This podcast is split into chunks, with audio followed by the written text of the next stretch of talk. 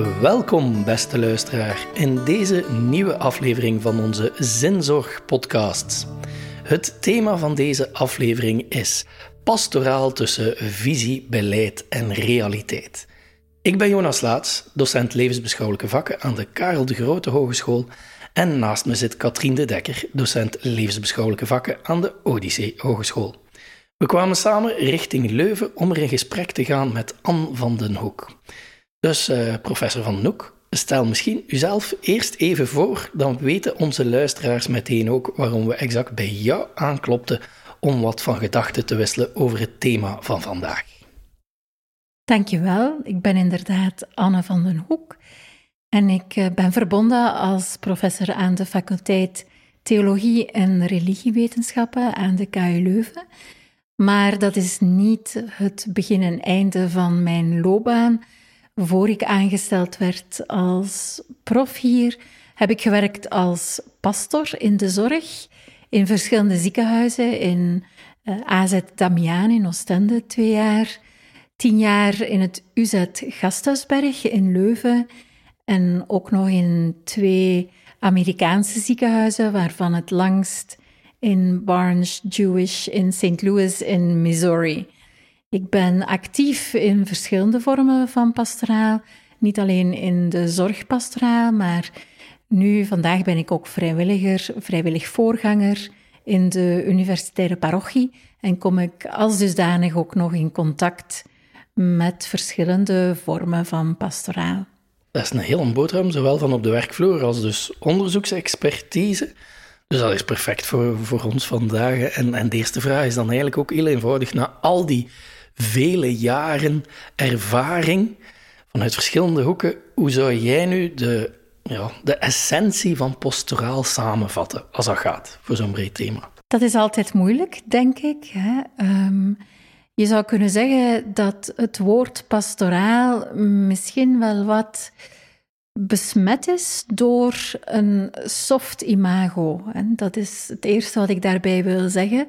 wanneer men het woord pastoraal gebruikt, zeker ook in een academische context, maar ook daarbuiten, dan denkt men aan softe dingen, zoals handen vasthouden en kaarsjes.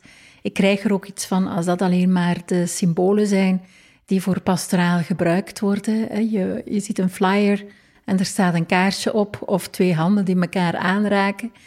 En dan denk ik, oh, zo gaan we er niet van afgeraken, van dat soft imago. Um, pastoraal is hard werken. Dat is uh, een van de dingen die ik naar voren wil schuiven.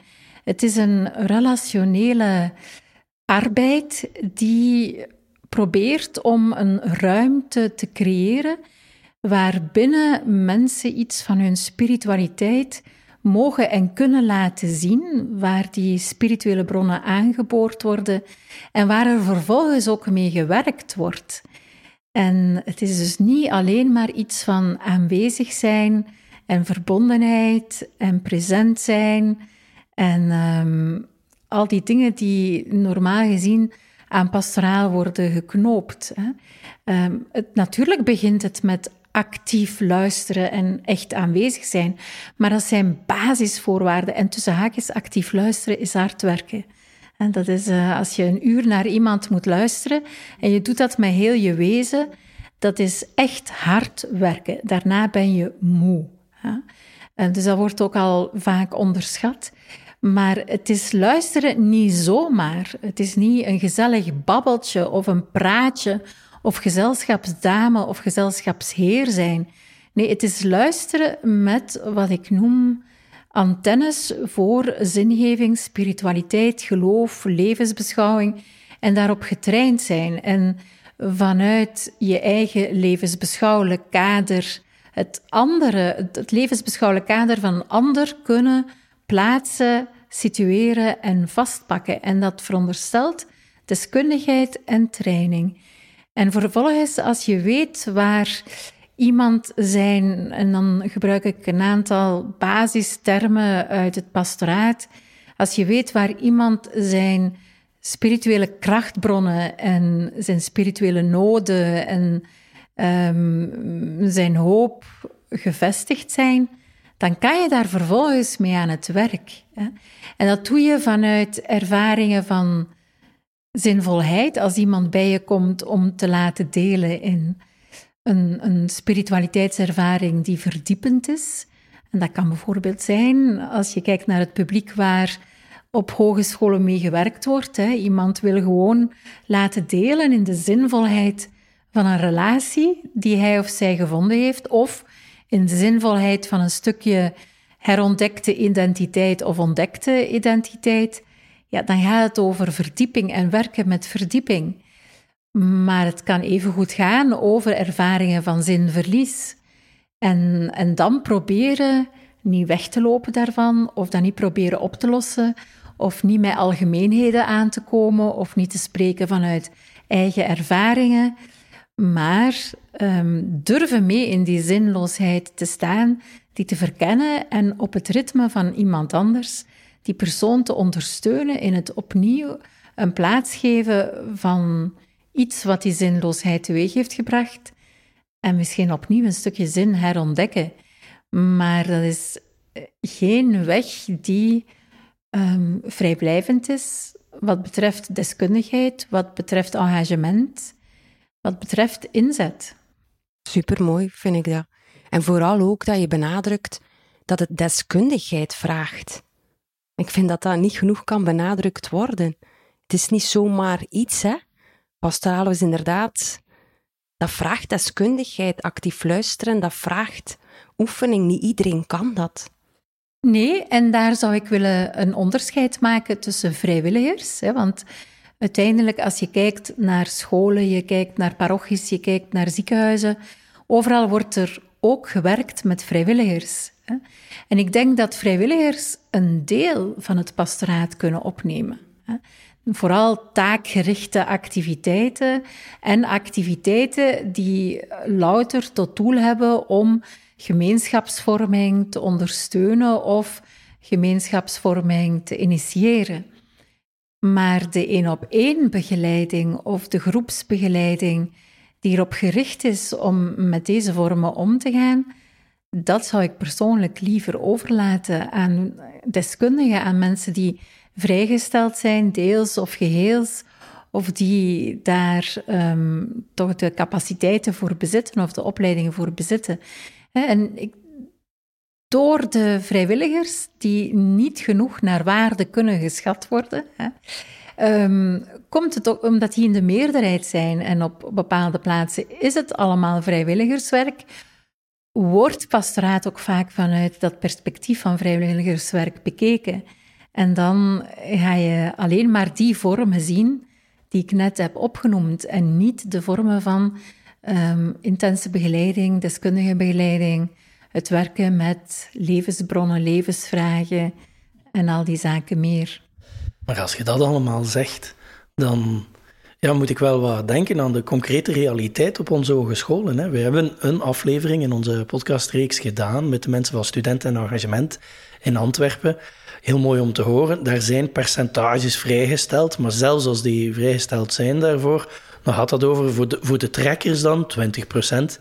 Voor diegenen die op andere afdelingen meedoen, 3,5% of zo per docent. Maar er zijn ook heel erg veel hogescholen, en ik denk eigenlijk in de meerderheid, uh, waar dat helemaal geen percentage voor vrijgesteld zijn. Dat zijn dan, gelijk bij u, Katrien, jij krijgt daar niks voor. Maar dan krijg je een rare veronderstelling. Ja, zit je vrijwilliger? Als het over het stukje pastoraal gaat, helemaal. Maar je bent natuurlijk aangesteld als godsdienstdocent enzovoort. En men verwacht dat dan enigszins van u. Enfin, dit om de realiteit te schetsen. En mijn vraag daarbij is eigenlijk: zeg jij nu eigenlijk, ja, als je het zo aanpakt vanuit je beleid, eigenlijk gaat dat niet werken? Ofwel zet je daar iemand echt op, een professional die dat onder handen neemt, die dat minstens halftijds en liefdvoltijds op zich kan nemen. En anders geloof ik er niet echt in. Of toch? Ik ga een gelaagd antwoord geven. Ik ga eerst proberen het onderscheid tussen vrijgestelde en vrijwilliger wat breder te kaderen. Ik denk, je kunt het duo vrijwilliger-vrijgestelde bekijken louter vanuit een tijdsperspectief. En dan kun je zeggen, oké, we hebben in onze hogescholen heel weinig vrijgestelden en vooral veel vrijwilligers om aan pastoraal te doen. Maar je kan het ook het onderscheid bekijken. En ik zou zeggen dat de twee vormen noodzakelijkerwijze samen moeten gaan. En je kan het onderscheid ook bekijken vanuit het perspectief van deskundigheid. Je kunt mensen hebben onder de vrijwilligers die even deskundig zijn als de mensen die vrijgesteld zijn. En dus het onderscheid tussen vrijwilliger en uh, vrijgestelde moet ook vanuit dat perspectief benaderd worden. Um, dat is één aspect dat ik zou willen zeggen. Het tweede aspect is, je kunt niet zeggen dat het welzijn, het persoonlijk welzijn en um, de persoonlijke ontwikkeling van studenten belangrijk zijn zonder daarin te investeren. En als je kijkt naar wat is nu de persoonlijke ontwikkeling en het persoonlijk welzijn van studenten, dan gaat dat over hun hele zijn. En dan gaat dat dus niet alleen over hun verstandelijke ontwikkeling en hun um, zich ontwikkelen in richting van een bepaald beroep. Dat doe je ook alleen niet met je verstand. Dat vraagt een integratie van je persoon. Je bent ook met persoon straks een leerkracht of een verpleegkundige, um, om maar twee voorbeelden op te noemen. En dat speelt een rol, of je dat nu wil of niet. Dat speelt een rol op de werkvloer. Je werkt met wie je bent, met je eigen levenservaring, met je talenten, met je inzichten, met je ervaring en met inderdaad wat je geleerd hebt tijdens je studies en je praktijk. Maar daar dan het spirituele stuk buiten spel laten, is niet terecht, want dan heb je geen volledig mensbeeld. En daar moet ook in geïnvesteerd worden. En wat is dan die spirituele dimensie? Dat is denk ik voor vele directies misschien wel het moeilijkste om vast te grijpen. We hebben wel een oplossing voor de relationele ontwikkeling en we hebben een plan klaar liggen voor de cognitieve ontwikkeling. Maar wat is dan die spirituele ontwikkeling? Wel, dat gaat hem ten eerste over alles wat mensen zinvol vinden in het leven en over de manier waarop ze naar het leven kijken. Je wereldvisie, je geloof, je spiritualiteit, de relaties die jou zin geven in het leven, je kernwaarden, je identiteit. Dat is allemaal verbonden aan dat stuk van de mens dat wij de spirituele dimensie noemen. Als je dat buiten beschouwing laat, dan laat je eigenlijk de motor van het mens zijn buiten beschouwing. En daarin investeren levert heel veel op. Dan gaat het mij niet over iemand daar geheel voor vrijstellen, maar misschien een sterk team opbouwen van mensen die part-time zijn vrijgesteld en vrijwilligers die ook een zekere deskundigheid bezitten. Um, en het gaat er mij ook vooral over een tandemwerking. En dan kijk ik eventjes naar de zorg, wat mijn specialiteit toch ook is. Hè, dat je een, ehm, een sterke tandemwerking ontwikkelt tussen eerste lijns en tweede lijns spirituele zorg. En ik denk dat eerste lijns een taak is van iedereen in een hogeschool. Als je in contact komt door praktijkbegeleiding of door het lesgeven met studenten waarvan je aanvoelt van hier is iets niet in de haak of die hebben het op dit moment moeilijk of die komen met vragen na de les of die komen met vragen vanuit de praktijk. En op die vragen heb ik het moeilijk om een antwoord te, te bieden of moeilijk om een oplossing voor direct te vinden. Dan weet je dat dat waarschijnlijk vragen zijn van een diepere aard waar dat er niet onmiddellijk oplossingen voor zijn, wel, dan kun je vanuit jouw ervaring en jouw levensbeschouwing en jouw interesse proberen om met die mensen in gesprek te gaan en vanuit een eerlijk engagement naar studenten en leerlingen. Maar soms kun je ook voelen van, dit gaat mijn pet te boven. Hier kan ik geen tijd voor vrijmaken, of ik weet niet hier wat mee aan te vangen, of ik ben misschien zelf niet bezig met spiritualiteit. Dus ik ga doorverwijzen naar iemand die daar dan wel deskundig in is. En dat is misschien iemand die vrijgesteld is. Of dat is iemand van de levensbeschouwelijke vakken die daar deskundig in is. Dus dan denk ik, zo'n sterke tandemwerking uitwerken is een oplossing wanneer je niet kan investeren in drie of vier fulltimes voor één hogeschool. Voilà. Hetgeen dat je daar zegt van zo eh, waarden en normen en, en mensvisie en, en wereldvisie, daar gaat spiritualiteit onder andere over, dat en nog veel meer. Denk dat veel hogeschooldirecties misschien wel gaan daarop zeggen, ja, maar dat hebben we al, dat zit in het vak RZL. En dat is bijvoorbeeld ook wat eh, heel sterk aan bod komt in mijn eigen vak en zo. Maar ik heb zelf wel wat gevoel, je kunt dat wel bespreken, maar er is zoveel aan pastoraal waar dat punt is dat het voorleeft. En specifiek als het over spiritualiteit gaat, dan maakt het net zo anders dan, dan inderdaad wiskunde of taal of alles waar je cognitief een plan rond hebt. wiskunde voorleven, dat moet je niet doen, hè. Maar pastoraal is, is voor mij een stukje het voorleven van uw spiritualiteit. En het is dat dat, dat dat nodig maakt van het buiten de vakken te plaatsen, wil ik zeggen. Van er toch oog voor te hebben op een hogeschool, buiten de vakken, maar in het weefsel van de hogeschool, denk ik. Ik denk dat elke goede docent op een bepaalde manier zijn vak leeft. Ook een, wiskundedocent, denk ik, kan aan de studenten tonen: wiskunde is interessant, wiskunde is boeiend. Je kan echt met heel je hart en ziel uh, in mijn vak opgaan en dat ook beoefenen. En dat is voor mij de definitie van lesgeven. Dat je bezield lesgeeft. En dat heeft ook te maken met spiritualiteit. Ja, ja, ja, ja. dat is een soort van de spirituele dimensie van, het wiskunde, van, het, van de wiskunde zelf. Ja, die is er ook, ja.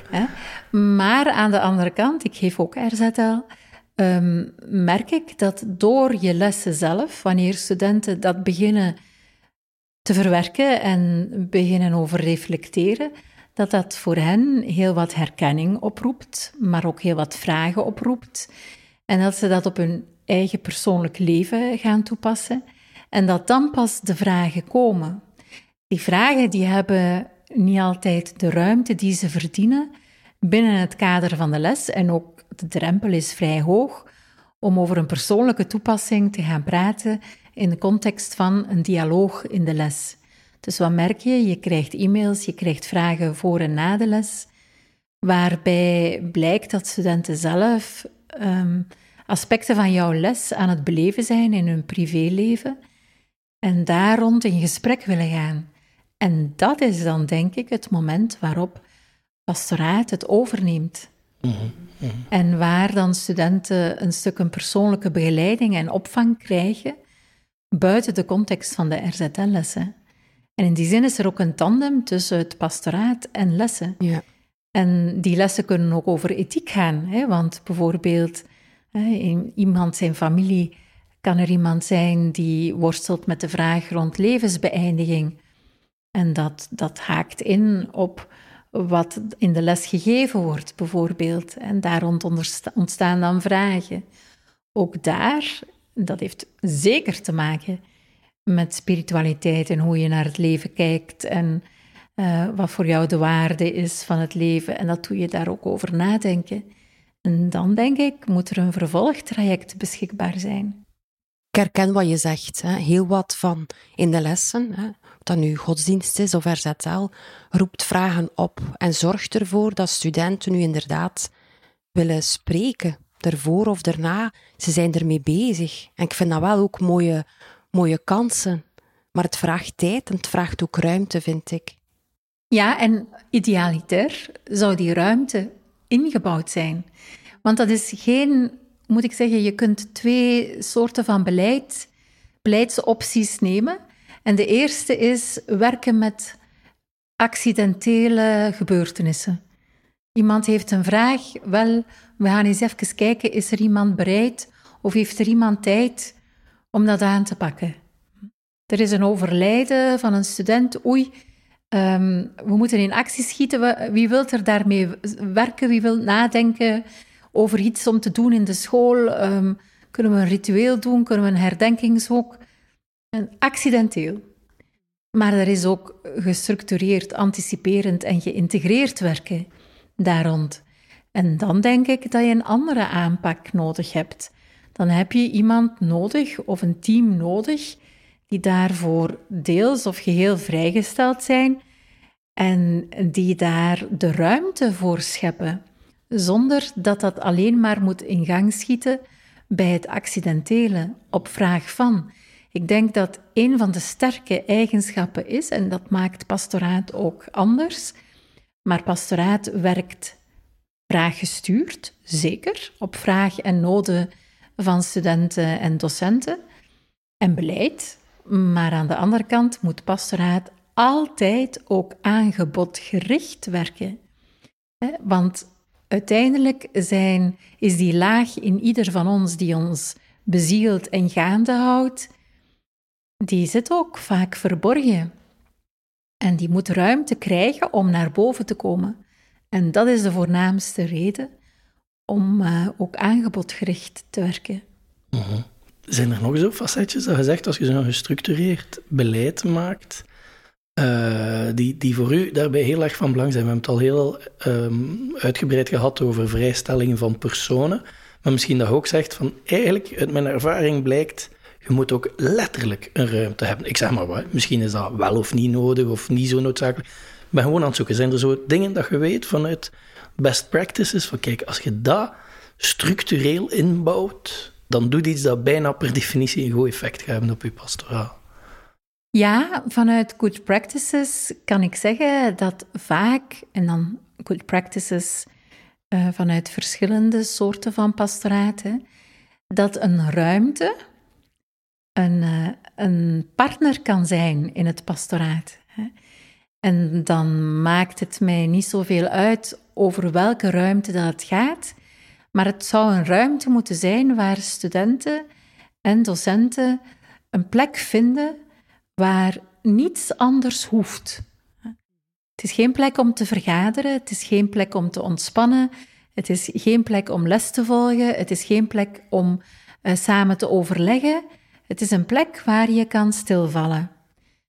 Binnenin een katholieke hogeschool vind ik het dan wel belangrijk om iets van de eigen identiteit weer te geven die oproepend kan zijn naar anderen.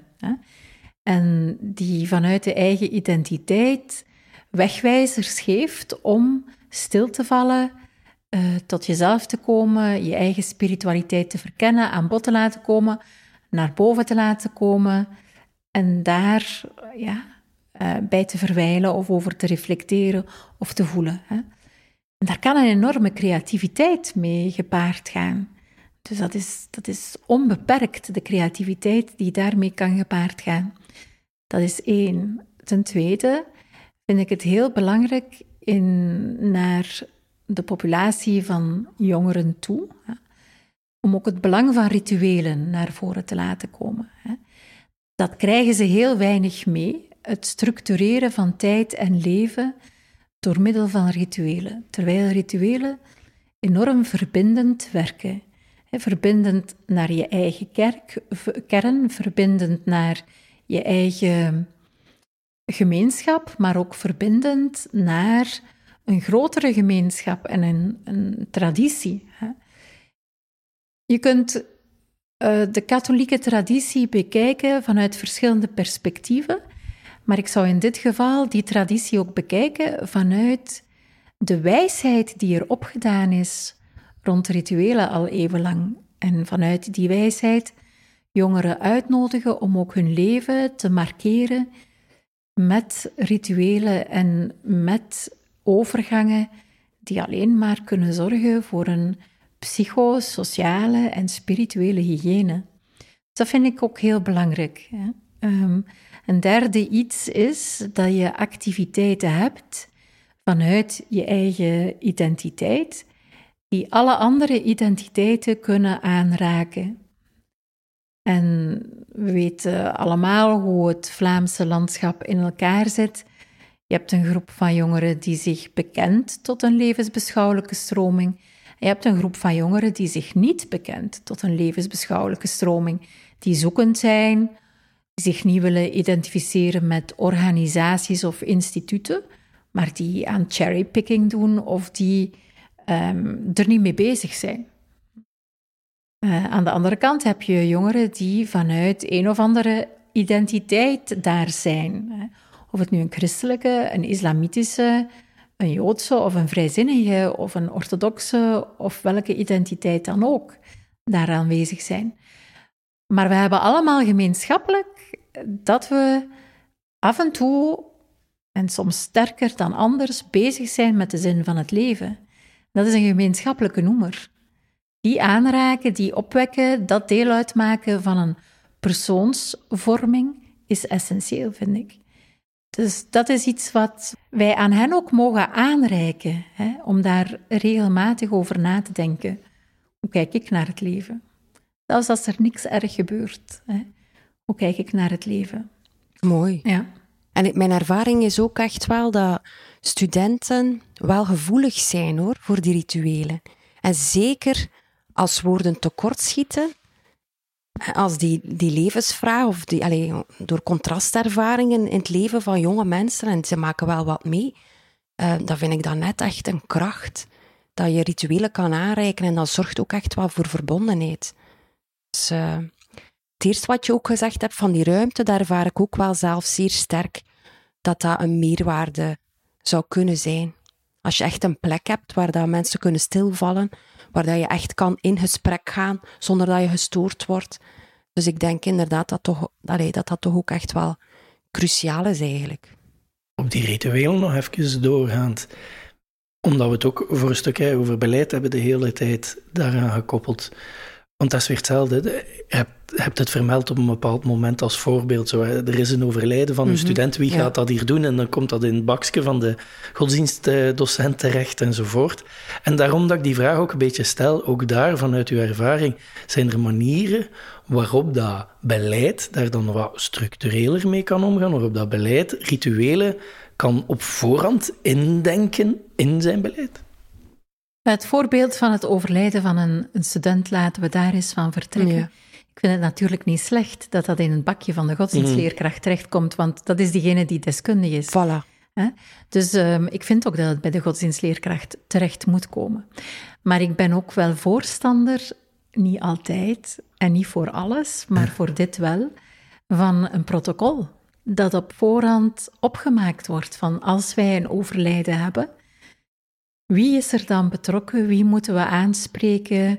Hoe gaan we dat aanpakken? Hoe gaan we daar als school aandacht aan geven? Wat vinden we daarbij belangrijk?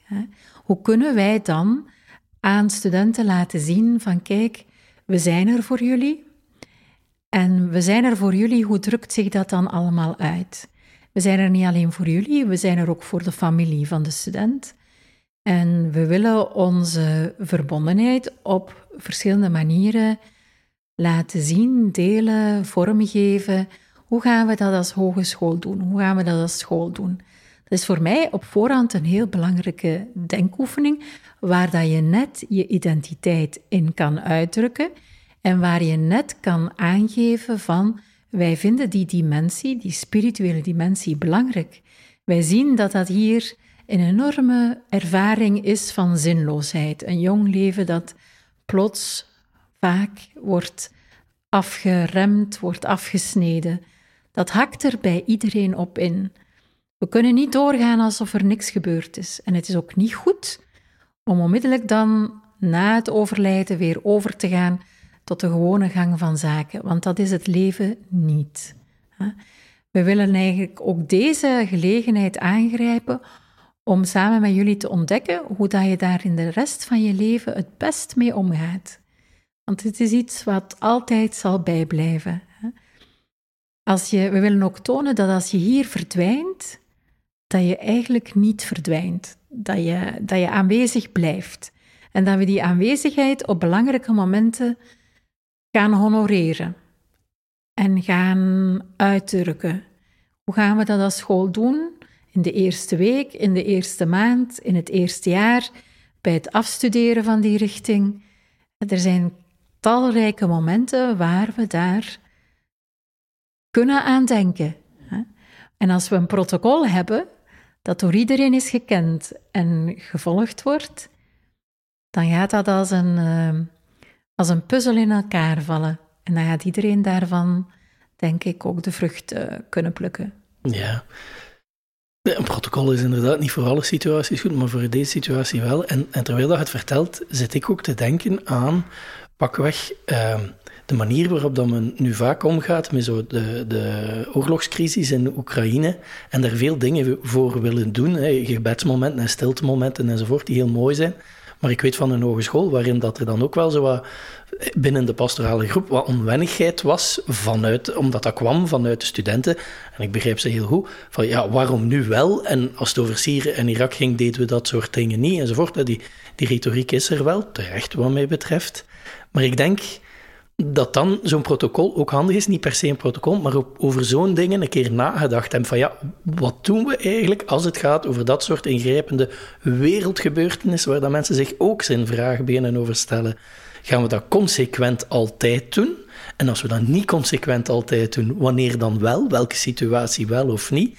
Ehm, niet, niet, dat ik denk dat daar een eenduidige oplossing voor is, maar het is een beetje hetzelfde. Je moet daar wel een keer over nagedacht hebben. Want je ziet dat misschien niet in termen van pastoraal, want dat is geopolitiek enzovoort, maar eigenlijk is het levensvragen en zinvragen en wereldbeelden. Het is wel pastoraal. En ik denk ook dat je daar de opdracht hebt om te zoeken naar een evenwicht tussen vraag gestuurd en aanbodgericht. Het aanbodgerichte, hoe gaan we dat doen in het bredere kader van het geopolitieke en alles wat er gebeurt? Want evengoed in verband met ecologie, omdat we dat niet kunnen ontkennen dat jongeren vandaag in een staat van onzekerheid zijn wat betreft hun toekomst. Uh, wat brengt die onzekerheid teweeg? Niet alleen het geweld in, in de wereld, maar ook de toekomst, gewoon de leefbaarheid van het klimaat. Um, soms hoor je bij oudere generaties van, goh, ik ben blij dat ik niet nog 40 of 50 jaar in een klimaatopwarming moet gaan leven. En dat besef is er zeer sterk ook bij de jongere generaties. In theologie spreken we nu al van eco-grieving. Het feit dat mensen aan het rouwen zijn om wat er onomkeerbaar is verwoest. Je kunt niet teruggaan naar twee graden minder op opwarming. Het is nu eenmaal zo dat die situatie onomkeerbaar is. Dus hoe ga je op die um, levensbepalende factoren ingaan? factoren die echt waar zinverlies en onzin teweegbrengen in het leven van jongeren. Je kunt, denk ik, geen levensverbonden of realiteitsverbonden pastoraat hebben in een hogeschool of in een universiteit of een school, zonder dat aan te raken. Dus je, en je mag ook niet te veel prikkels geven, want dan zeggen mensen van, ze zijn daar weer mhm. Met hun ecologische events, of ze zijn daar weer met hun solidariteitsevents, of ik heb al gegeven, of ik heb er al bij stilgestaan, of ik ben al naar een gebedswaken geweest. Maar het gaat erom gerichte en goed gekozen prikkels te geven die onderbouwd zijn, die aanhaken aan persoonsvorming, die aanhaken aan een curriculum, die aanhaken aan waar jongeren mee bezig zijn. En dat dan op voorhand inderdaad te bedenken, uit te werken um, en daar een draagvlak voor te creëren. Waar wil je daarmee naartoe? En dat vraagt deskundigheid. Dat vraagt deskundigheid, hè? maar waar een leerkracht biologie en aardrijkskunde uh, even goed bij kan betrokken worden als een expert in de zorg, als een expert in, uh, in levensbeschouwing, in godsdienst, mm -hmm. in theologie. Dus dat is een, uh, een samenwerking altijd, een samenwerking. denk ik. Hè? Ja.